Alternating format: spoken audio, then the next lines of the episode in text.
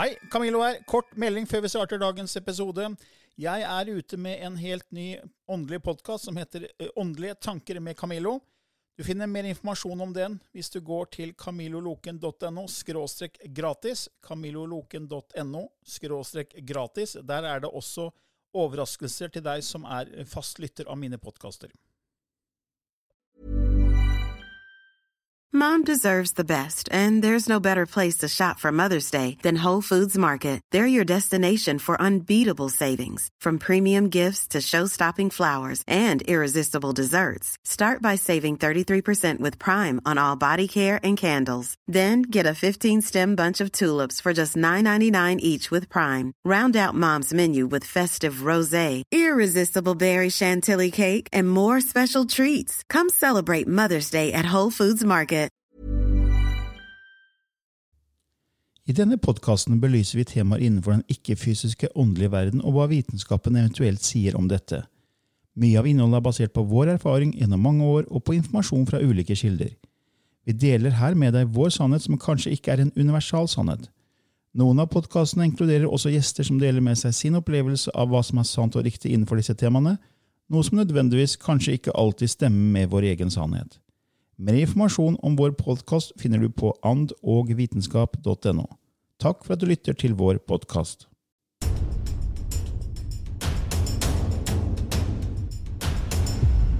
Før vi starter dagens sending, så har vi en liten nyhet. Eh, faktisk to nyheter. Det første er at eh, undertegnede vil holde et foredrag på Eidsvoll 5.9. om kropp, sinn og sjel, og hvordan det å ha en økt spirituell forståelse vil kunne hjelpe deg til å få mer flyt i livet. Hvis du er interessert i å vite mer om det, så kan du gå på vår nettside annovitenskap.no nyhet. Det er den første nyheten. Og den andre nyheten er noe mange har spurt om. Mange av våre lyttere har lurt på når det blir et nytt Color Line Cruise til Kiel med Lilly og meg. Og det blir det nå. Vi kommer til å ha et Color Line Cruise til Kiel den 5. til 7. november.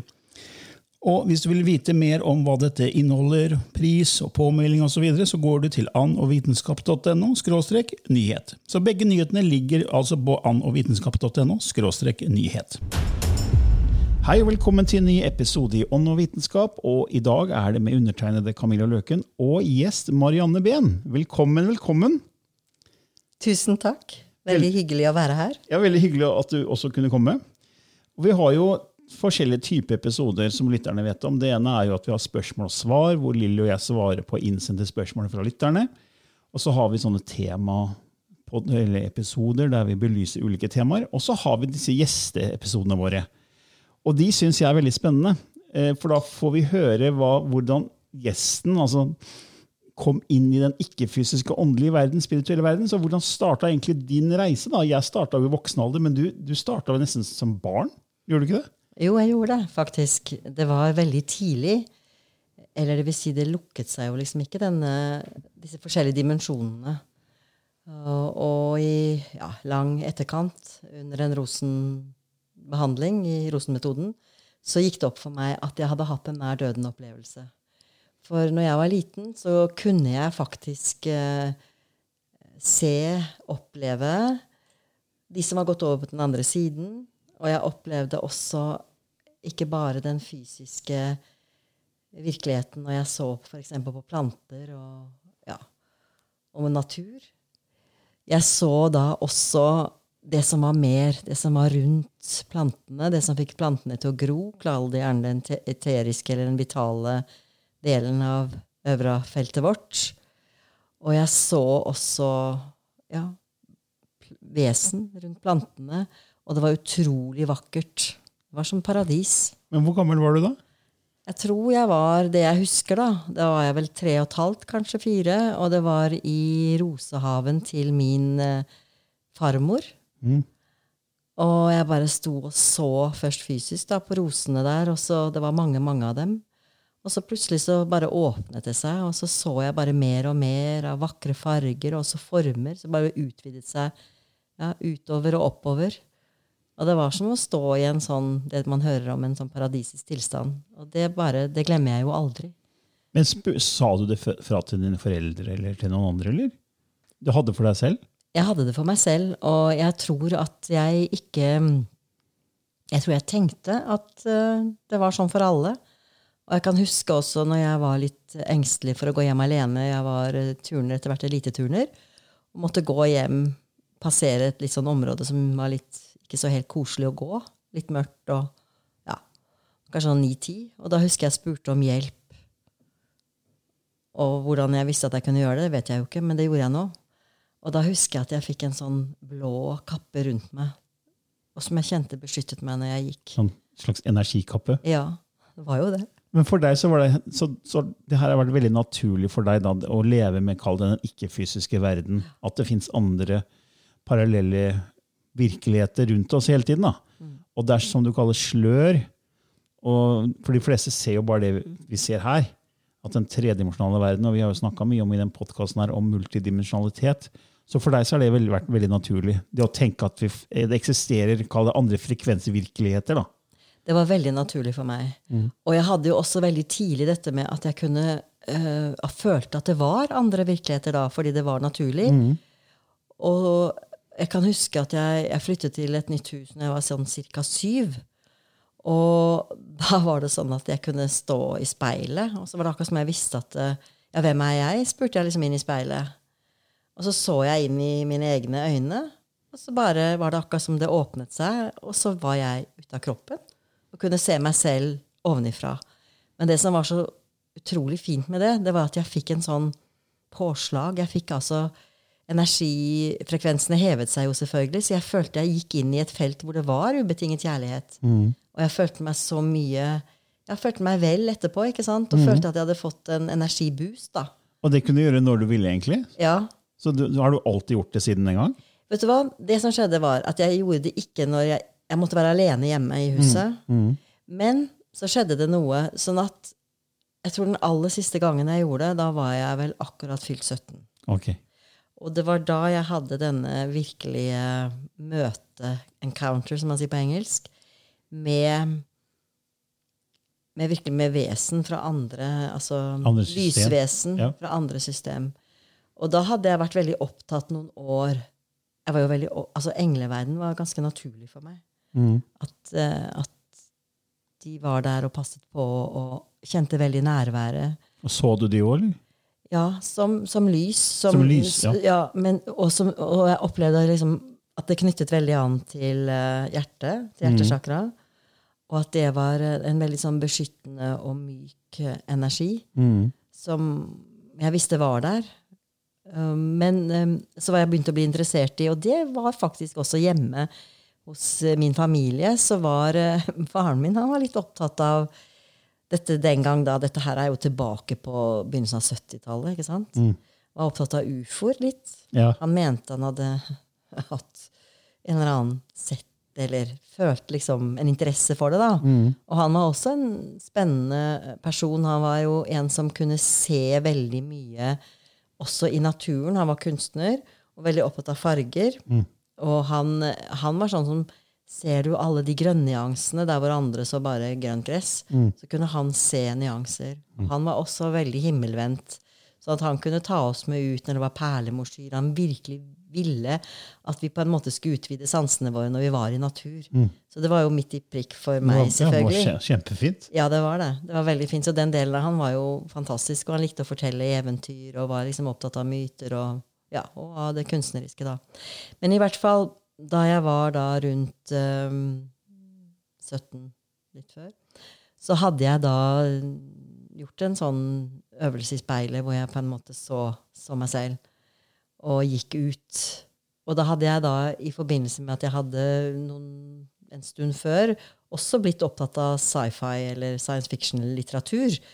Og hadde da også skrevet en oppgave, da gikk jeg jo på gymnaset i Halden, om eh, når startet det å snakke om ja, det som er mer, da. Eller disse frekvensene du som er mer enn de fysiske frekvensene og mer enn de fysiske vibrasjonene, og du går inn i andre dimensjoner. Og da kom jeg jo tilbake til, til Platon, for eksempel. Og han snakket jo om Atlantis.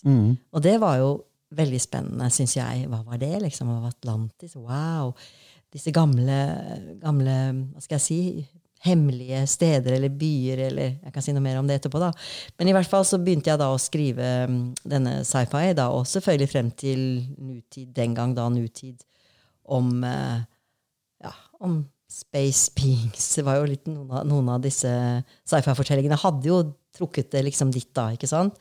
At det kanskje var noe At det kom noen fra ytre space og inn. Ja, ja, for vi har snakka om stjernefolk og sånn her i podkasten, og det, vi har vært innom den pleiaden. Og, og du har vel en sånn tilknytning både til det pleiadiske systemet, også Arcturius, har du ikke det? Jo, og det var jo da den, eh, denne gangen da som jeg da sto og hadde gjort denne speiløvelsen, og det var siste gang jeg gjorde den, faktisk.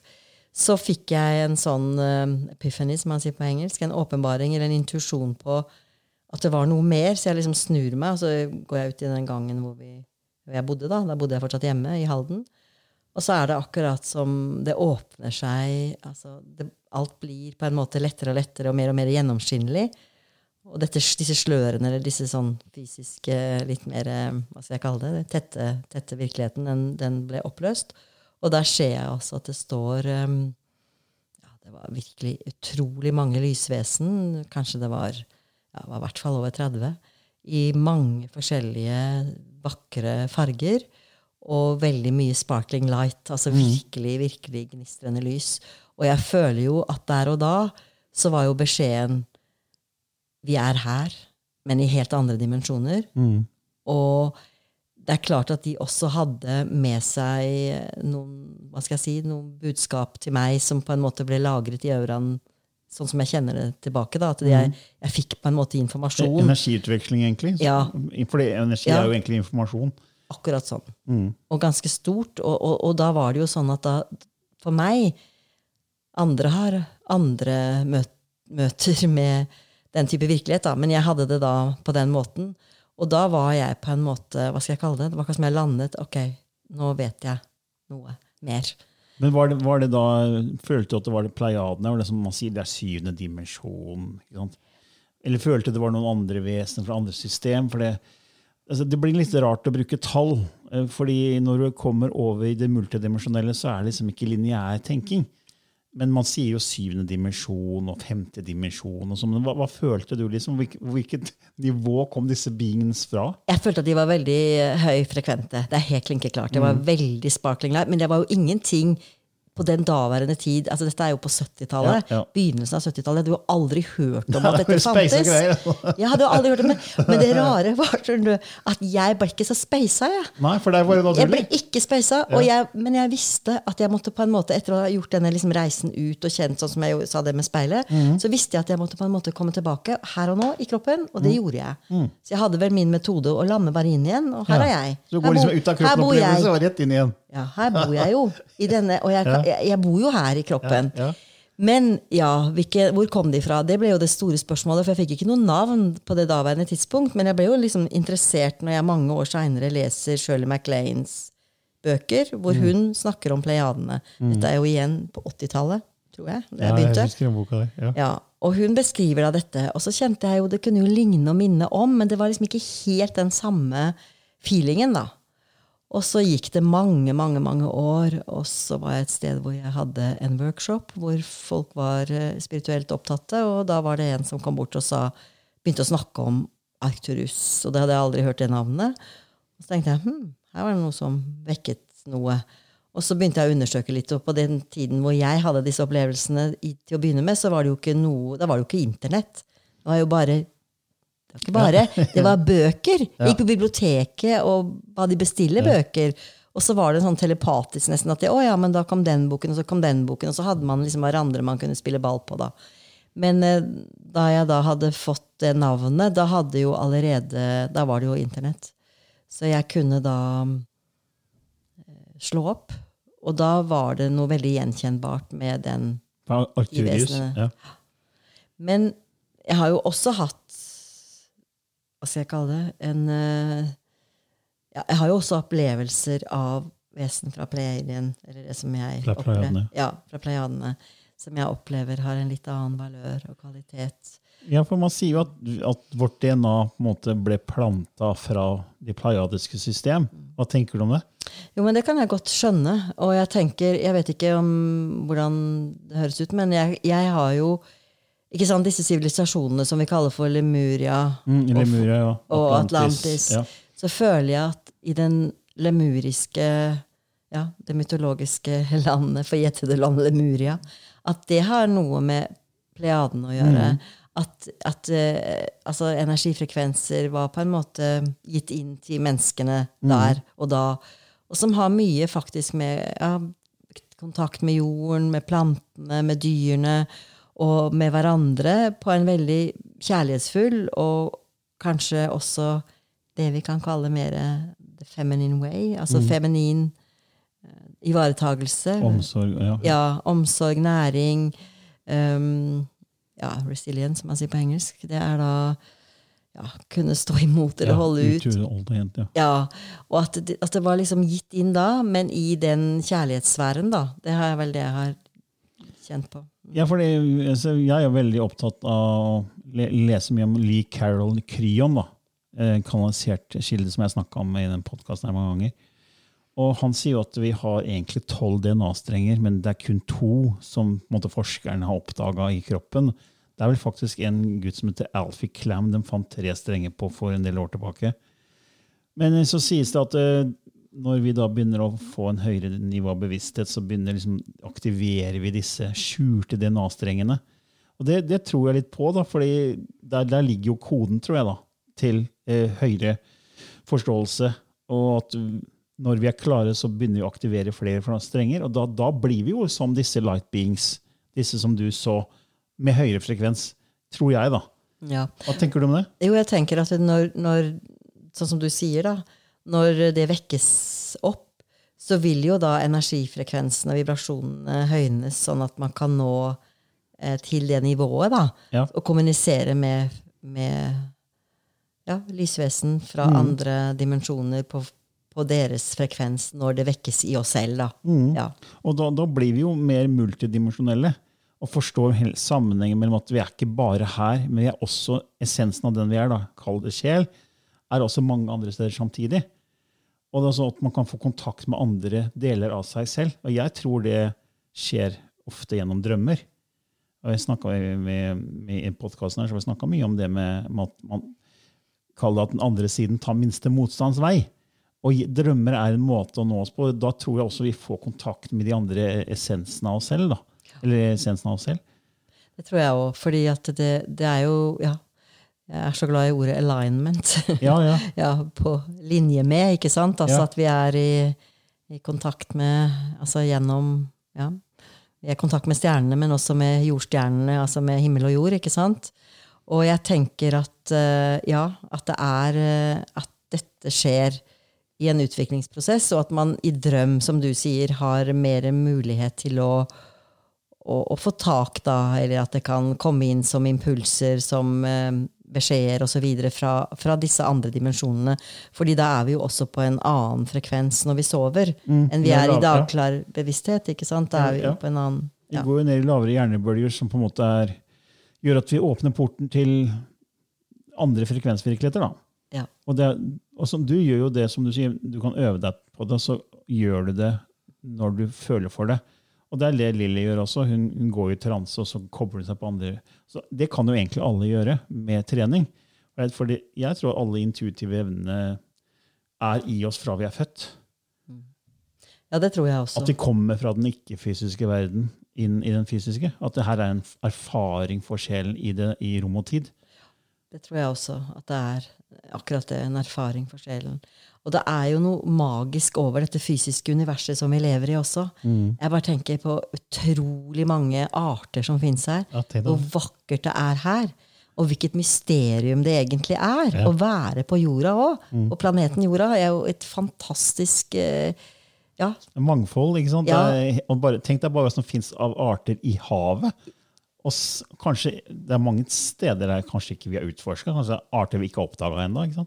Så det er jo et mangfold av, av helt fantastisk ut av en annen verden. ikke sant? Og, men vi tar ting så fort for gitt når vi kommer inn i denne fysiske kroppen. da. Og så blir man liksom sånn litt plassert, og så glemmer man å være til stede i øyeblikket. Sånn som Eckhart Tolle sier, 'the power of now'. Nå-øyeblikket. Det er veldig mye som skjer egentlig hele tiden. Og jeg har hatt det med Power Now fra jeg var veldig veldig ung. Og det oppdaget jeg faktisk eh, Jeg spilte et teaterstykke som het Byen vår. Da var jeg 16 år. Og så skulle jeg spille det var, Stykket var skrevet av Thornton Wilder, og jeg skulle spille da en eh, ja, jeg skulle spille en ungdom som ble voksen, som ble gift og fikk barn, og som døde i barsel. Og det var tre akter. Så det var liksom akten hvor hun var barn, og så var det da eh, når hun gifter seg, sånn kjærlighet, og så var det da hun dør. Så siste akt er når um, Emily, som denne personen het, da, går over og møter de andre som er på den andre siden. Og så sier, sier stykket da Hvis du nå ja, Hun ønsket å gå tilbake til livet én dag. Hun ønsket å oppleve igjen hvordan det var å være i livet. Og så sier da de andre nei, ikke gjør det. Du vil kanskje bli skuffa hvis du går tilbake. Ja, nei, men jeg må det, sier hun. Ja, men velg liksom noe som ikke er så viktig for deg. Altså, ikke velg når du nå liksom, barna dine eller kjæresten din eller Ja, da valgte hun sin tolvårsfødselsdag. Og poenget da er at hun går tilbake og ser seg selv. Og moren står og lager mat og, og ja, snakker liksom sånn fra der hun står og koker og ordner. Og hun selv da føler at hun ikke blir møtt på den hun virkelig er. Men se på meg, sier hun liksom. Kan du ikke bare se meg én gang, liksom? Se på meg, liksom. La oss møtes i, i nettopp dette feltet, da, mer sjelelige feltet. Men så skjer ikke det som liksom tatt tilbake. Og da var det at jeg tenkte hvordan i all verden skal jeg kunne spille denne rollen sånn at den går over rampen, som man sier, i teater. Og da hadde jeg en sånn rute hjemmefra der jeg bodde, litt sånn litt, litt i utkanten av Halden. Og hendte ofte at jeg gikk gjennom kirkegården og husker at jeg gjorde det. Og jeg skulle på denne teaterøvelsen, og så tenkte jeg ja, men hvis dette her var siste dagen jeg har her på jorden, aller siste dagen, hvordan ville jeg vært da? Og da åpnet det seg jo feltet. Så jeg kunne plutselig se ja, det er siste gang du ser det treet, det er siste gang du ser den. Ja, sånn, ja. Det er siste gang du ser skolen du gikk på. Og faren min jobbet i en bedrift ved siden av. Det er siste gang du ser dette her. Og da var det noe som skjedde med meg. At det, det åpnet seg jo noe. Og det skapte jo dette stunden, øyeblikket, the power of now. Så da jeg gikk ned og starta vi hadde var liksom helt på slutten før vi skulle ha premiere. Da visste jeg hvordan jeg skulle stille meg inn for at dette skulle komme over rampen. Og det var det. At da ble jeg på en måte her og nå i stunden. Du opplevde egentlig det som er, skjer i en film som jeg har nevnt før her, som heter The Peaceful Warrior med Nick Nolte. Hvor det er en amerikansk turner, det er en sann historie basert på Dan Millman, som da får en eh, ulykke og han kan ikke turne noe mer, men så trener han seg opp, og så møter han Nick Nolte som en slags mentor. En spirituell mentor som forteller om the power of now. Så, så, og, og denne Dan Millman han er så busy, så han ser ingenting liksom, i, i, i det som er der hele tiden. Så han klarer å få han til å forstå da, at there is nothing never going on. Det er alltid noe der, hele tiden. Og så det du beskrev nå, da fikk jeg bare det bildet av at når jeg ser Nick Nolte, da, som spiller denne mentoren, bare stopper denne unge mannen, og så får han en slags energioverføring, så han begynner å se. Han ser farven i alt. Han hører humla ikke sant, som surrer. ikke sant? Han, han hører vinden. Plutselig så er han til stede. da. Og Det er jo basert på en sann historie, og Dan Millman forteller jo hvordan han senere da begynte å sette pris. Så akkurat som deg. Og det gjorde jeg fra da. Og det ble på en måte a mission in my life. Ja. Til å, å være til stede og se så mye som mulig være til stede. Ja. Så det var veldig naturlig når jeg etter hvert begynte med yoga og meditasjon. og Da var det en bok som het Be Here Now, skrevet av en Ram Dass. Og det var jo en av disse såkalte ja, Ikke akkurat Bibel, men det var i hvert fall en bok som var viktig. da. Og det er jo da begynnelsen på The Power of Now, og bevegelsen. Og jeg tenker, han hadde også reist eh, til Østen og studert eh, der. ikke sant? Og nå blir jo mindfulness-begrepet, som jo handler om det med nærvær og tilstedeværelse. Så det er, Og jeg tror at i det så vil man jo også lande inn nettopp her og nå på jorden, samtidig som man kan åpne for det som er mer. Ja. For det er viktigere nå kanskje noen gang med så mye forstyrrelser, for å kalle det det, da, med sosiale medier og duppeditter. og altså, Se ungdommen i dag, de klarer ikke å være uten eh, mobilen.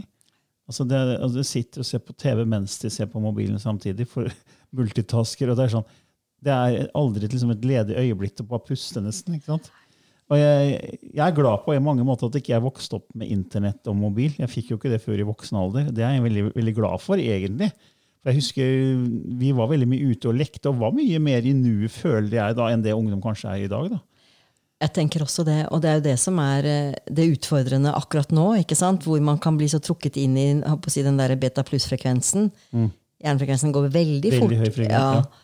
Og, og så tenker jeg også øh, at det er øh, veldig utfordrende for de som vokser opp. Og jeg er også veldig glad, som du sier, å ha vokst opp med Jeg kunne liksom merke si nesten telepatisk også hvordan fant man sammen før, liksom.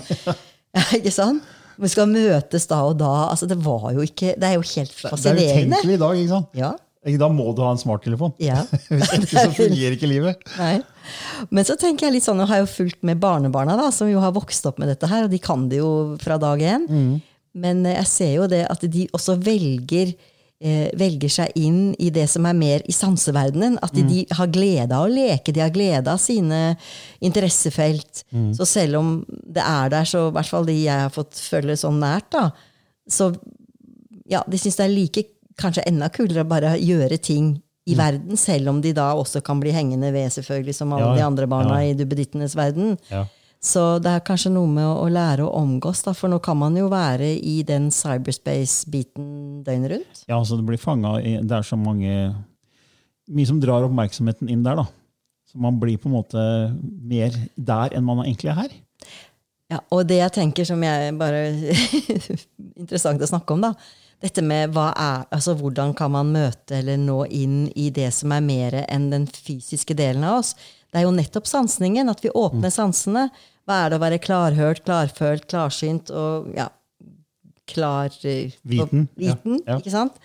Det er jo nettopp fordi at da åpner man jo det som allerede er det vi kaller liksom de fem sansene. Vi åpner mer. Mm. Og det gjør vi jo gjennom å lytte og gjennom å være til stede. Og sånn åpner man. Oi, nå hører jeg humla som suser, eller Mm. Ja. nå hører jeg fuglen som synger. Ja. Mm. Da har man liksom utvidet det å høre. Og det er jo de sansene som igjen kan fange opp det som er mer, men også Mm. integrerer oss jo mer i elementene her og nå. Og de vakre rosene som du har der, eksempel. Ja. Det er jo helt magisk. Ja. Det er, altså jeg har sagt det mange ganger, jeg elsker å gå i skogen. Det er min form for terapi. Andre bruker yoga og meditasjon, men det er for meg min, min form for meditasjon. Da. Og da, da bruker jeg jo sansene på en helt annen måte. Og Før så bare satt jeg i bilen og pendla til jobben og stressa og hadde frister. Og, ikke sant? og det, jeg gikk jo glipp av veldig mye. Og, Ja, da blir livet mye rikere, syns jeg. da. Og det er så sant. Og jeg tenker, jeg hadde jo sånn, jeg har jo gjort det i en del år med, ja, med elever, da, dette med silent walk eller sansevandring. Og da virkelig bare gå og være sammen uten å snakke. Ja. Og legge merke til, Da er det jo med en gang noe som skjer, da, denne utvidede sansebevissthet. Og jeg ser at folk har virkelig hatt store opplevelser av det som er naturlig. da. Ved å Ja. virkelig gå på jorda og kjenne jordinga, og samtidig da la elementene åpne for mer. Ja, Og vi- finne glede i en stein Ja. eller en fjør. eller... Må se en maur som har et blad som man går og bærer Yes. på. Ja. Og Vi, har, vi har jo, Kona mi Synnøve har jo yogareiser til Bratsj, og der har vi baka inn en sansetur i det programmet. da. Men du har jo, du har jo det som kalles Marianne Behn-akademiet. Der har du også sansetur og sånne type ting. da. Ja. I øvelser. Ja, det har jeg. Jeg har også kurs hvor jeg har eh, en dag hvor vi kan gjøre akkurat det. Gå ut og være sammen i naturen. Og sanse eh, det som er. Så det er veldig fint. Og jeg har jo også, altså nå har jeg akkurat rekonstruert eh, fra Krystallakademiet til Marianne Behn-akademiet, for det var så mange som trodde at det bare handlet om krystaller. Og krystaller er fantastisk, og det handler om det også, men det er verktøy og nøkler til noe mer. Og i den eh, rekonstruerte så jobber vi med mange forskjellige temaer, så det er tolv moduler med forskjellige temaer. Starter med velvære, nærvær, men også med hjernefrekvenser, sansning, at vi tar det inn, og øvrene selvfølgelig, og chakraer, men også veldig ja, mytologi. Jeg er jo veldig opptatt av mytologi, så det fletter inn det også. Ja, spennende, for du har, jo, du har jo et hav av informasjon igjen, i og med at du har holdt på med det hele livet. Men, men hvis folk er interessert i å vite mer om det du snakker om nå, og Marianne Behn-akademiet, er- hvor skal de gå da? Da kan de gå på websiden min, som bare heter marianneben.no. Oh, ja, ok, Så det ligger der, ja. Marianneben.no. Ja, Ja. Der ligger det informasjon. ja. Men går det inn på noen spirituelle temaer, sånn som type For jeg syns, syns det er veldig spennende med, sånn med, med reinkarnasjon. Og, er, er det på, inn på de temaene òg, liksom? Ja, det er Ja. også på det temaene. Ja. Etter hvert som du Ja, det er også med. Fordi, Som en mulighet. Mm. men når du åpna opp, da, fordi, la oss snakke litt om reinkarnasjon, for det syns jeg er et veldig spennende felt. da, Som jeg vet at mange lytterne har også vært veldig opptatt av. Og det her med å reinkarnere, at vi kommer tilbake i kjøttet, for det er jo karne betyr jo kjøtt. Det Reinkarne, reinkarnasjon. Eh, så mange som tenker at uh, det må være lineært. At uh, hvis jeg dør nå, la oss si jeg dør nå, da, altså, da kan ikke jeg komme tilbake før etter min død. Man kan ikke gå tilbake i tid, liksom, men det, så, sånn er det jo ikke, tenker jeg. Det er mer at man kan jo, det er multidimensjonelt. Så, eh, og sjelen er ikke låst i én kropp. Så hvordan tenker du? Hva, hva er reinkarnasjon for deg?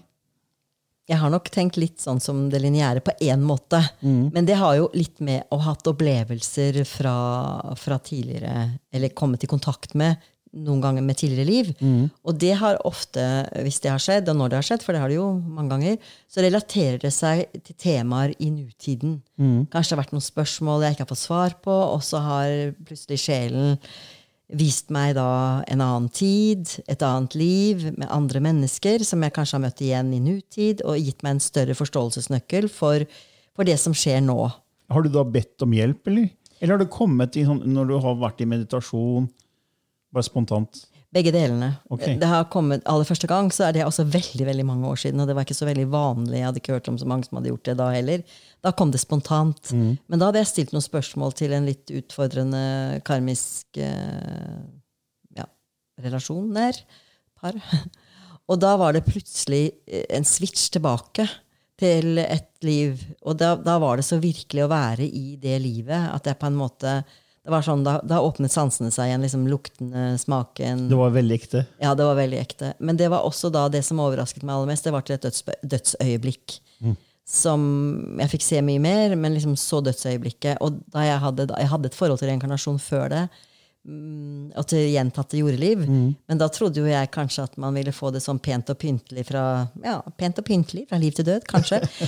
men det var sjokk for meg. Og så etter hvert så traff jeg jo andre som hadde hatt disse opplevelsene. Og da var det jo sånn at de også kunne formidle at det ofte kunne skje da gjennom eh, at man kom tilbake til dødsøyeblikket. Og det som har vært veldig viktig for meg når jeg har vært tilbake i en eh, reinkarnasjon, enten selv eller med andre, og man havner ved dødsøyeblikk, men at man også guider da personen videre inn i det som er lyset. ikke sant? Sånn som man gjør litt i traumer også, at man guider inn i ressurser og lys. Og det var også det jeg opplevde. At eh, ja, jeg hadde en gang eh, en regresjon en gang til eh, inkvisisjonen, ikke sant? Oi, heksebrenning. Ja. Og, ikke, ja. og det var jo sånn at du ble brent, rett og slett? Ja, du, så, du så det? Ja, det jeg så, ja, det var en, men det jeg så, var og det som på en måte gjorde veldig inntrykk Jeg har hatt et par, for det var jo med noen hundre års mellomrom, så at liksom par ganger tilbake til to forskjellige inkarnasjoner. Og første gang så var det det. Det var den aller første reinkarnasjonen jeg hadde. Det var det, med heks. Da brant jeg. Og det, jeg ante ikke at det for, altså jeg, jeg kunne se alt, hvordan det var bygget opp. Jeg bare trodde, jeg visste jo ikke hva jeg hva, hva er dette? Og da fikk jeg det to, to ganger, altså i to porsjoner. Som var ganske sterkt. Men eh, den eh, jeg skal si nå, det var, var i Frankrike, og det var mer sånn ja, meditativ, nesten våken. Eh, halvvåken. Og ja.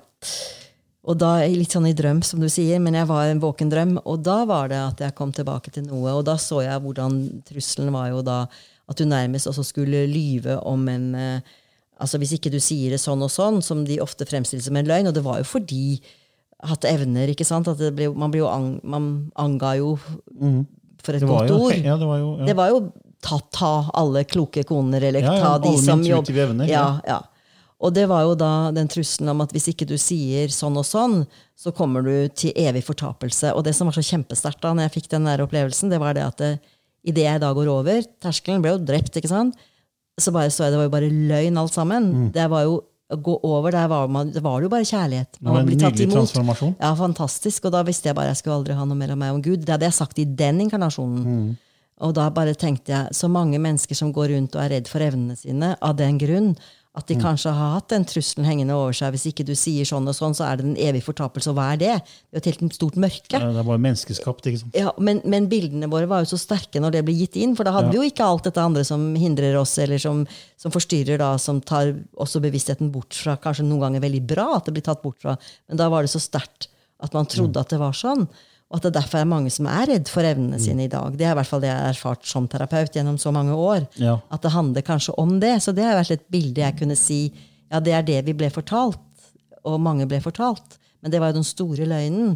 Og det er helt motsatt når du blir tatt imot i den andre verden. Der er det Ja. jo bare har- kjærlighet. Du har jo opplevd det, som du sier, med selv. Men jeg, jeg, jeg har ikke opplevd det. Jeg, har, jeg leser jo mye, så jeg har jo lest veldig mye om nær døden-opplevelser, og hvordan de forteller det, at det er en fantastisk transformasjon. Det er mye verre å bli født, visstnok, enn enn å, å gå over til lyset, eller transformere. da.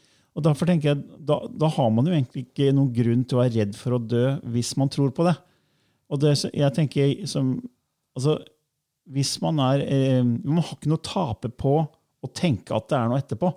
Og hvis det ikke er noe etterpå, så får du ikke greie på det likevel. Så, fordi jeg snakka mange ganger om faren min. For faren min han, han trodde ikke på noe av det jeg snakker om i denne podkasten her.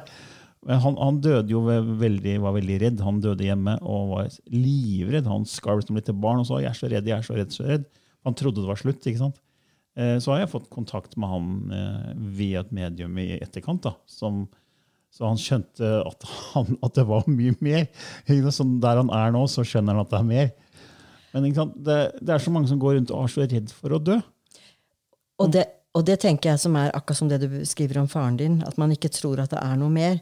Og så tenker jeg jo også det, det er jo veldig underlig på en måte. eller Det er jo noen sterke Altså nå er vi her i disse fysiske kroppene våre.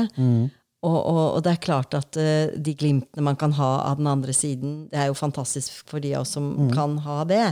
Men så er det så klart også noe veldig trist i det altså Det er trist å være altså Når noen dør fra en, det har jeg jo opplevd selvfølgelig nylig også, både med foreldrene mine, men ikke minst med Ari, når han gikk over. Det var et kjempesjokk og grusomt. Og, og jeg tenker jo også det med den sorgen og savnet og, og, og det å være her. At jorden har også denne fantastiske Hva skal jeg si? Eh, Dette, at dette med det fysiske nærvær, at man kan ta hverandre i hånden.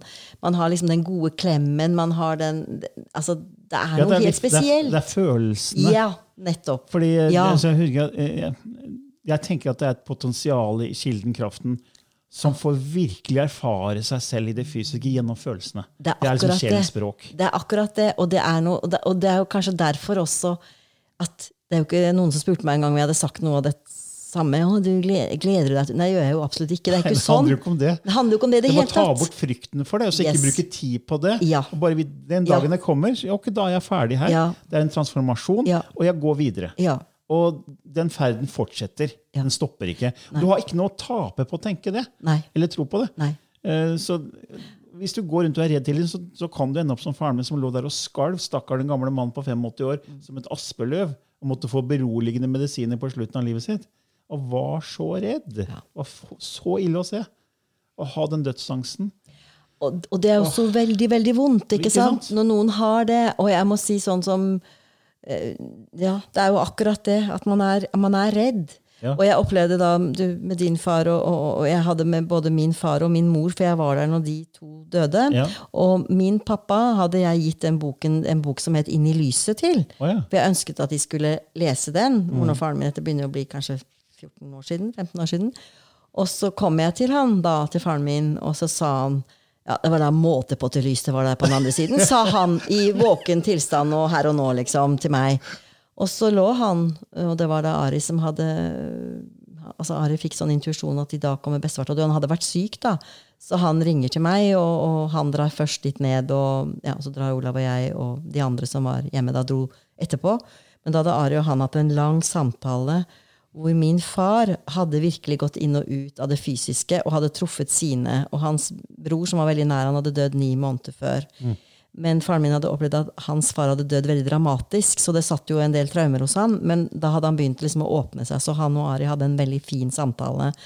Og da vi kom og rakk akkurat frem liksom, til, ja, til han, da, og da bøyer jeg meg over, eh, over han, og så sier han eh, Jeg skal hilse, sier han, og du kan se han anstrenger seg. Um, og, og jeg skal hilse. Jeg skal hilse fra min uh, ser han på oss. Jeg skal hilse fra din, ser han på Olav. Din mor, sier han til Olav. Og så hadde jeg, trodd han skulle si til meg hilse fra farmor. Og det var jo ikke det han gjorde da. Og så de to, min farmor og Olavs mor var, Olav og jeg var fra hverandre i veldig mange år, men de hadde vært hjelpere mm. sammen. For de døde med et halvt års mellomrom, eller noe, eller mm. kanskje et år. men det var ikke noe mer. Og de to hadde jeg opplevd som hjelpere både for meg og for barna. Som guider. Guider. Mm. Akkurat det du sier. Guider. Men det som var så sterkt med faren min, da, før han sier dette, så sier han jeg tok feil. Jeg tok feil og ser rett for meg. Og jeg visste jo hva han sa da. At han opplevde lyset. Og Det er veldig interessant det du sier, fordi her er nå en tilstand hvor han forsvinner bevissthetsmessig litt inn i den andre verden som han skal til, og så kommer han tilbake i kroppen. Sånn er, sånn er fram og tilbake. Eh, modus. Og det er jo noe som heter delt nær døden-opplevelser, som ble skrevet av uh, han, han en av de første som ja, fikk jeg litt sånn jernteppe. Moody? Ja, Moody, ja. Han skrev jo bøker om det, ja. og det kom først i liksom, 2009. Ja. begynte det med næ. Og da står det altså uh, disse pårørende og til og med sykehuspersonell står og ser åpningen til lyset, sånn som den døende gjør. Og det, altså, for meg, det, det kan ikke være noe sterkere bevis da, liksom. Nei, og det rare, at det er noe mer? Nei, det er akkurat det. Og det som var så sterkt med min far, da, det var det at han, han eh, Det siste han sier, da står jeg ved siden av før han går i koma. Da gikk det ennå et døgn, da. Men da, mm. det er det siste han sier før han går i koma. Så bare, mens jeg, jeg holder han i hånden, og så sier han bare Reidar, Reidar, nå skal alt bli som før. Og det er den siste setningen han sier. Mm før han går i koma. Og så går det ett døgn, og så går han. Og han gikk som en sånn lysfugl. For han hadde nok vært mye reddere for å være den som var igjen, for moren min hadde hatt en del hjerteinfarkt, så han var veldig redd for at hun skulle dø. Oh ja, så han så, skulle bli alene? Ja. ja, så han var akkurat som eh, For han var det Har du fått noen kontakt med han etterpå? Ja da. Ah, ja. Mye. Ja. ja. jeg har det. Men, så fint. Ja, med begge mine. Ja, jeg har jo det. Med, jeg har jo det.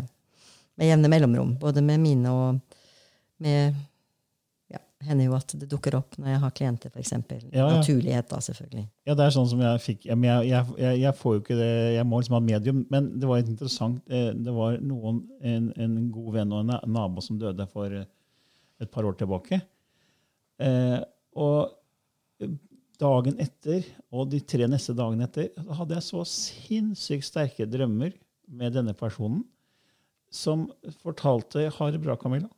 Eh, var sammen med bikkja si uh, på en hytte, og det var liksom fiska, og var, alt var liksom fryd og gammen, og det, det, var som det skulle være. Jeg skulle gå når jeg gikk.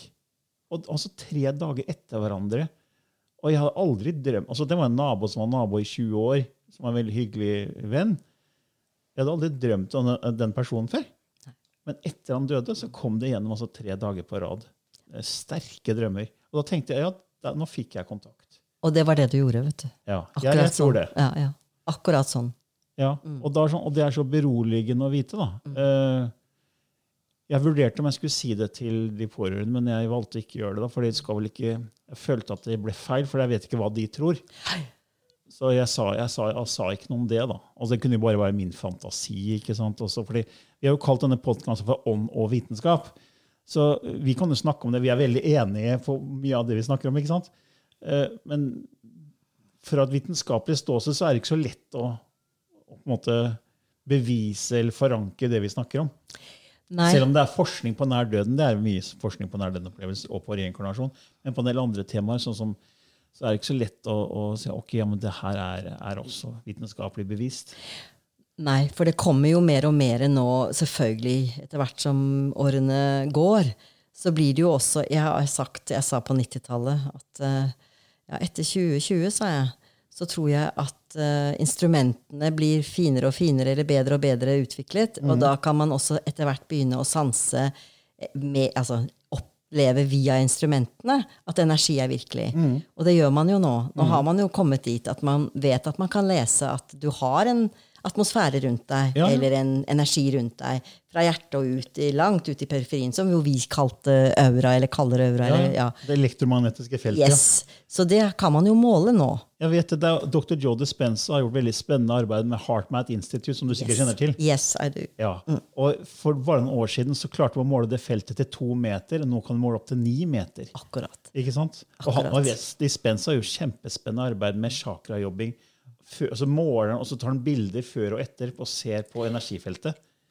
Veldig spennende. Og jeg må jo bare si at jeg har jo egentlig Altså, jeg kan jo se energi. Jeg Mm. kunne jo se også sjakk... Altså, jeg se inn Jeg kan, kan se inn i kropp. Ja. Kunne det, og kan det, og jeg gjør jo ikke det til daglig. Det er ikke sånn du går ut og gjør det hele tida. Nei, det gjør jeg ikke. Absolutt ikke. Men jeg gjør det når jeg jobber, og hvis det er naturlig, så kan jeg gjøre det. Mm. Ja. Og, det er sånn, og det er jo fascinerende nå at man kan ta bilder. For det er jo ikke tvil om at chakraene gjennom eget indre arbeid, meditativt, eh, stille pusten, stunder, ikke sant? Ja. ikke minst, kan være med på å bygge og gå inn i og rense og endre chakrasystemet. Og det er jo mye av det jeg også underviser i, selvfølgelig, også på den Marianne Behn-akademiet. Der er det jo, går vi jo dypt inn i den type jobbing, selvfølgelig. Og da er det jo også veldig fint eh, å bruke krystaller, som du er veldig bevandra i den verden. Ikke sant? Du kan jo veldig mye om chakra og har skrevet en fantastisk bok som jeg eh, kjøpte for den gangen han kom ut. Med så flotte bilder. Og det var Olav mannen som tok bildene, var det ikke det? Jo, han tok de aller Fantastisk. fleste. De som ikke kjenner den boka, det bør absolutt sjekke ut den. Eh, Heter den bare, Jeg husker ikke hva den heter. Stjerner og krystaller. Stjerner og krystaller. Og den ligger faktisk på websiden min, den også. Ja, den, eh, Hvis man er interessert i krystaller, sjekk den ut. også, for den er så fin, for du går inn på chakraene. Hvilke steiner som passer til hvert chakra, øvelser du kan gjøre, og lyder, ikke minst. For det er jo vibrasjon i lyd, og visse lyder treffer visse chakraer. ikke sant? Så det, det kan du jo veldig mye om. Ja, og dette er jo også gammel visdom ikke sant? som hentes frem igjen i nutiden, og som selvfølgelig jeg har jo, er jo den jeg er, så jeg har jo bygget opp eget også. Og krystallene er jo så finjusterte at det faktisk korresponderer med de forskjellige chakraene og fargene. Og så har jeg bare lyst til å si, det er jo det jeg jobber med mye, men jeg jobber jo også med Rosen-metoden. Vi snakket om følelser i sted. Og Rosen-metoden, der er jeg også lærer, seniorlærer i det. Og har, eh, et, har da Rosen-metoden-utdanning sammen med to kolleger. Og vi har da bygget opp det som tidligere var under Akselsons Bodywork School. Men dette er jo da også fordi hva er det som setter seg og ofte blokkerer systemet vårt? Det er jo følelser og emosjoner som blokkerer i muskulaturen vår, og som kan hindre oss i å ja, håper å si, hindre oss i veldig mange ting. Og etter hvert som man har spenninger, så blir det også smerter. Men, men Rosen-metoden går jo på da å frigjøre spenninger, og er jo en form for velvære, berøring, gir, kan gi en godfølelse som gjør at det som har sittet fast i spent muskulatur, løsner og går inn i flyten. For det er jo noe med at vi mennesker kan gå og bære på, på historier som da ikke har vært så hyggelige, og på bilder og, og tanker. Og det vil sette seg i muskulatur, og i selvfølgelig i hinner og fascier, som vi sier, og på andre steder. Og den frigjøringen som ja, både meditasjon, chakraarbeid, men også da direkte da kontakt med følelsesfeltet, da, som vi gjør i Rosen. Som har hjulpet går du inn og jobber med den emosjonelle kroppen da? Ja. Ja. Det er For akkurat det vi gjør. måte er templatet for den fysiske Yes. Kroppen. Hvis vi skal snakke forskjellige lag av euroen, da. Ja. Og det er veldig akkurat det. ikke sant? Og det, og det kaltes jo i Jeg har jo jeg håper å si, vokst opp med, det er jo litt feil, men jeg traff jo antroposofien veldig tidlig. Jeg var bare Rudolf Steiner, ja. ja, 18 og jeg møtte den. Og, og der han har jo, hadde jo sitt uh, Han hentet jo veldig mye fra Østen, men han brakte det inn i Vesten og var veldig opptatt av menneskets bevissthetsutvikling. At man gjennom tenkning også skulle få forståelse for den åndelige verden. Han virkelig gjorde en kjempejobb. Ja, Han lå langt forut sin tid. Også. Ja, virkelig. Og han snakker jo også om de forskjellige feltene. Mm. Og han snakker jo om auraen også, så dette med den følelseskroppen eller Ja, ja. astralkroppen er jo den faktisk som vi jobber med i Rosen, ja. Mm. Og så er jo dette med den vitalfeltet vårt, da. Den, hvorfor vi må sove, spise, hvorfor vi elsker å gå i natur. Det lader jo oss opp. Mm. Og det er jo den vitale delen, eller den eteriske delen. da. Og det er jo egentlig der all altså den ubetingede kjærligheten. Den lever i det feltet. Men det er jo også, vi- da kom, jeg kommer til, ofte tilbake til pusten, for det er jo også ikke bare den oksygen. Det er også livsenergien prana, ki, chi. Vi puster jo inn eteren. Yes. I sånn åndedrag. Vi drar inn ånden. Og det er jo mange som ikke puster egentlig. Altså, jeg mener puster riktig. da. Fordi Hvis du virkelig tar åndedrag, så puster du jo langt ned i, i lungene. ikke sant? Skikkelig for gassutveksling. Så du får ut eh, avfallsstoffene. For det mange kanskje ikke vet, er at 70% så mye som det, går ut av pusten med avfallsstoffene. Altså, og det- Synnøve, kona mi, er jo medieyogainstruktør. Det er jo du òg. Ja, er det. Du har også blitt det. Jeg har det. Og jeg må jo si dette med, med pust er jo altså, fantastisk. Altså virkelig. Og er man eh, å si veldig kaotisert en dag, eller har fått litt sjokk, eller ting skjer, altså, ja, pust. Altså gjøre pusten på sin fine, individuelle båt. Det var en av mine elever som sa her en, ja, ikke så veldig lenge siden. Nå også, ikke medieyogainstruktør, men underviser også yoga. Hun kalte det for um, ja, fjørpust, sa hun. Altså fjærpust. Og det der med virkelig For det er jo mange som sier 'må ikke gjøre pusten'. Nei, men det er jo ikke liksom å gjøre, det er å åpne opp for det som er mer. Akkurat som du sier. Det flyter mye. Ja, akkurat det. Og det har hjulpet meg enormt mye gjennom eh, ja, Etter Aris død så har liksom pusten vært det jeg har kunnet, det verktøyet jeg virkelig har brukt. Pust og natur. Veldig mye. For, for det gjør også noe med chakraene du begynner å rense. og Hjertesjakra er jo bindeleddet mellom den fysiske og ikke-fysiske verden, sånn som jeg ser det. da. Og når man da virkelig begynner å puste, så gjør man noe med, med kanalen sin. Akkurat sånn. Og det er helt sånn er det. Og jeg kjenner at det er jo bare å være så takknemlig for at man har det verktøyet. Og at vi, det har jo i hvert fall alle mulighet til, er å gjøre de gode, den gode pusten. Og jeg tenker på den heart, heart mind uh, Heart Mind Institute. Ja. Og det der med hjerne- og hjerte-connection, ikke sant? Ja. Eh, Det er jo bare helt magisk. Ja, De har jo en sånn Ja. veldig enkel teknikk de har forska Ja. på, den som heter Ja. quick coherence teknikk, Yes, som du sikkert yes, kjenner til. Jeg gjør det, og den bruker jeg veldig mye, og har undervist ganske mye i det siste. Ja. Og jeg ser at uh, det er bare sånn gull verdt, altså en nøkkel til å, til å virkelig komme til seg selv. Altså tre minutter, sier de jo egentlig. Mm. Ja, de hørte ser på Greg Braden. Ser jo Ja, på hjerterytmen at den ja, endrer seg Og det gjør til og med fra 60 til 90 sekunder. Yes. Så kan du ha stresshjerterytmer. Ja. Så kan du gå fra stress til rolig, fine rytmer Ja. på 60 til 90 Ja, sekunder. det er fantastisk, og det er bare å prøve. Ja, For de av lytterne som ikke kjenner til den, så kan vi jo kort si hva, det, hva den går ut på. Mm. Det er det at du, altså Som terapeut og som berøringsterapeut både i healing-arbeid og rosemetoden, så er jeg jo vant til dette med å berøre kropp. Og det, jeg synes det er noe av det altså Det er jo fantastisk at vi er og har denne evnen til å berøre hverandre. Som jo har med følelser og, og som kan åpne for Ja, det er trøstende, det er beroligende, det er mange ting. Og vi vet jo nå at det, når nervesansecellene blir berørt av ja, nå tenker jeg terapeutisk, altså noen holder på det, så vil også nervesansecellene sende energi, eller sende impulser, til eh, hjernen og til det senteret som da frigjør oksytocin, som er avslapningshormonet. Det er kjærlighetshormonet. Det er det Yes. samme som kvinner som eh, ammer sine barn, Ja. skiller ut. Ja, og det er fantastisk. Og det har liksom kommet mer og mer inn da som det frigjørende hormonet, som det beroligende hormonet, som kjærlighetshormon osv. Men det som også er fantastisk, er at du kan bruke din egen hånd. Du kan legge en av hendene dine på hjertet, over hjertet, og bare kjenne at du får kontakt. Og i løpet av da kort tid så kan du selvfølgelig legge til pust også, så klart. Puste rolig inn, puste rolig ut. Enten rolig inn gjennom nese, rolig ut gjennom munnen. Eller puste ja, ut gjennom nesen igjen. Altså bare finne den indre roen, og bare la det skje, så skjer det en slags Det skjer en coherence mellom samklang mellom hjerne og hjerte. Og det er helt fascinerende. Og det var en som fortalte her om dagen at hun hadde vært på et kurs med meg, og så hadde vi gjort den øvelsen, så hadde hun ja, jo, jo, gjorde det sammen med barnet sitt, som da merket hvor beroliget det barnet ble. Og sa kan ikke du gjøre, kan ikke du bare holde meg på hjertet, som var litt urolig da. Så hvordan roen kom inn i løpet av disse korte, den lille, korte stunden. Et så kort tid. Og så sier de også at du kan også forsterke det ytterligere ved å hente fram et fantastisk minne. Noe i din, ditt liv som du er fylte deg med glede, stolthet, mestring, kjærlighet. Ikke sant? Altså, og, og når du tenker på det, så vil så For hjernen vet ikke forskjell på om det er noe som du bare fantaserer, eller om det er noe ekte. Altså, det er de samme type hormoner som skilles ut da når du henter fram det minnet. da. Ja. Og da kan du tenke på noe som er helt fantastisk, som du har vært veldig stolt av i livet ditt. mens du puster og holder hånda på hjertet. Og da ser man hjerterytmene på disse maskinene som endrer seg. Ja, det er helt fantastisk. Og, og, altså, man kan gjøre det før et stressfullt møte. Hvis du, la oss si du skal holde tale da, og er litt nervøs for det, eller du skal ha et foredrag med jobben, eller altså, du skal gjennom noe vanskelig og utfordrende, da. da kan du gjøre det i forkant. Det er akkurat det. Du kan gjøre det i forkant. Ja. Og så er det jo også da dette med at nettopp det å se på et veldig vakkert minne, et bilde, og at det også tar deg til den eh, roen som du fikk av det, ikke sant, det minnet.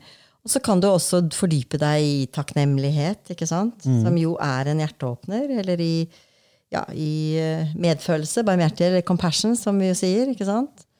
Eller det å kjenne at noe altså Være stolt av noe, eller bry seg om. Som du får av disse bildene. ikke sant? Jeg brydde meg om den dagen hvor jeg var og så det vakre landskapet, eller hva som er vakkert for hver og en, er jo selvfølgelig individuelt. altså, det er så enkelt verktøy, og det er helt gratis. ikke sant? Ja. Og du kan ta det i bruk på veldig kort tid. Yes. Og det har effekt på veldig kort tid. Så det er sånn, I en stressfull hverdag som mange har, da, så er det veldig fint å bake den som en sånn øvelse. Og jeg gjør noen ganger det hvis jeg står i kassa, og det står i kassa i matbutikken, og så er det mange folk i den ene kassa, og så er det litt mindre andre, så går det over i den andre, og så begynner den køen som jeg gikk fra, å gå fortere. altså Det er fortere å bli stressa. Ah, ja, men jeg skal rekke nå. Bare pust. Vær til stede nå. Pust. Se deg rundt, se på menneskene som står i køen. Pust. Hold hånda på hjertet. Bare tenk positive tanker. ikke sant? Akkurat det. Og det gjør underverker. Ja. Og det er jo ikke noe sånn uh, milgenmalgen. Det er faktisk sant. Ja. Og, det er, og man kan prøve å se hvor Ja. god virkning det har. Gjør det bilkø. Hvis du, sant? Å, skal på Ja. vei til jobb. Å, nei, det har skjedd noe, så er det den bilkøen. Fort gjort å bli stressa. Pust, pust, pust. Ja, og det er så bra. Og jeg tenker at uh, ja, det er som jeg sier If I have a mission at all, this is my mission. Og, og, og, og virkelig bringe videre nøkler Ja. Til eh, velvære. Nøkler, enkle ting som du kan gjøre i hverdagen Ja. for å bedre ja, ikke minst da få mer, mindre stress og et antistress-tilværelse. For livet pågår jo hele tida. Så det er fantastisk det bildet du sier, nettopp i en bilkø eller i en kø hvor man merker at liksom pulsen begynner å gå fortere, og man begynner å bli litt sånn lett irritert. Da, yes. Da er det veldig greit å ha sånne enkle verktøy tilgjengelig. Ja. Og det som jeg synes er så fint, er at det kommer så mye forskning nå. da. Sånn som HeartMath og Dr. Dispensa, som nå også kan måle og ha instrumenter som måler sant, energifelt, så vi skjønner at det her er liksom ikke tull. Og du kan gjøre, måle før og etter en sånn øvelse og ser at det har effekt. Og du har jo erfaring med det gjennom mange år, så du vet jo det bare. Men nå kommer det også måte, vitenskapelig bevis. da. Og det er jeg jo så glad for. Og det var jo da han eksen min sa da på ny Kan ikke du bare skrive en bok om disse tingene du ser og hører og vet om? Så sa jeg nei, men du skjønner at det, er ikke, det, er ikke, det når ikke ut før instrumentene er på topp. og bedre, i hvert fall. Og det har de blitt. Ja. Så jeg syns jo det er bare storveis. Ja, Det går riktig vei. Ja. Så jeg tror flere og flere kommer til å se at det er mer, da. Eller oppleve at det er mer. Og når vi begynner å ta i bruk sånne teknikker og ha mer fokus innover, så det er da man begynner å åpne opp, og da begynner man å erfare mer av denne fantastiske skapelsen. For det er, man har så mange lag. Det er liksom ikke det ene fysiske laget er kjempefint, men det er også mulighet til å få ta kontakt med de andre lagene. Ja, det er det. Og det er det at de, de andre lagene er jo blueprinten. Og blueprintene til det fysiske. Og, og få kontakt med andre dimensjoner og andre frekvenser. Og åpne opp for det som er mer på så mange felt. Det er jo det. Virkelig. Det beriker på mange måter. Ja, det gjør det, altså. Det gjør livet verdt å være her. Marianne, det var veldig hyggelig å snakke med deg. Ja. At du kunne komme hit og, og si litt om din erfaring med den ikke-fysiske verden. Og som sagt, hvis noen ønsker å vite litt mer om Mariannes tjeneste, gå inn på marianneben.no. Tusen takk for at du kom. Takk for at du ville ha meg her. Ha det bra! Ha det bra. Ever catch yourself eating the same flavorless dinner three days in a row? Dreaming of something better? Well, HelloFresh is your guilt-free dream come true, baby. It's me, Kiki Palmer. Let's wake up those taste buds with hot, juicy pecan-crusted chicken or garlic butter shrimp scampi. Mm. Hello Fresh. Stop dreaming of all the delicious possibilities and dig in at HelloFresh.com. Let's get this dinner party started.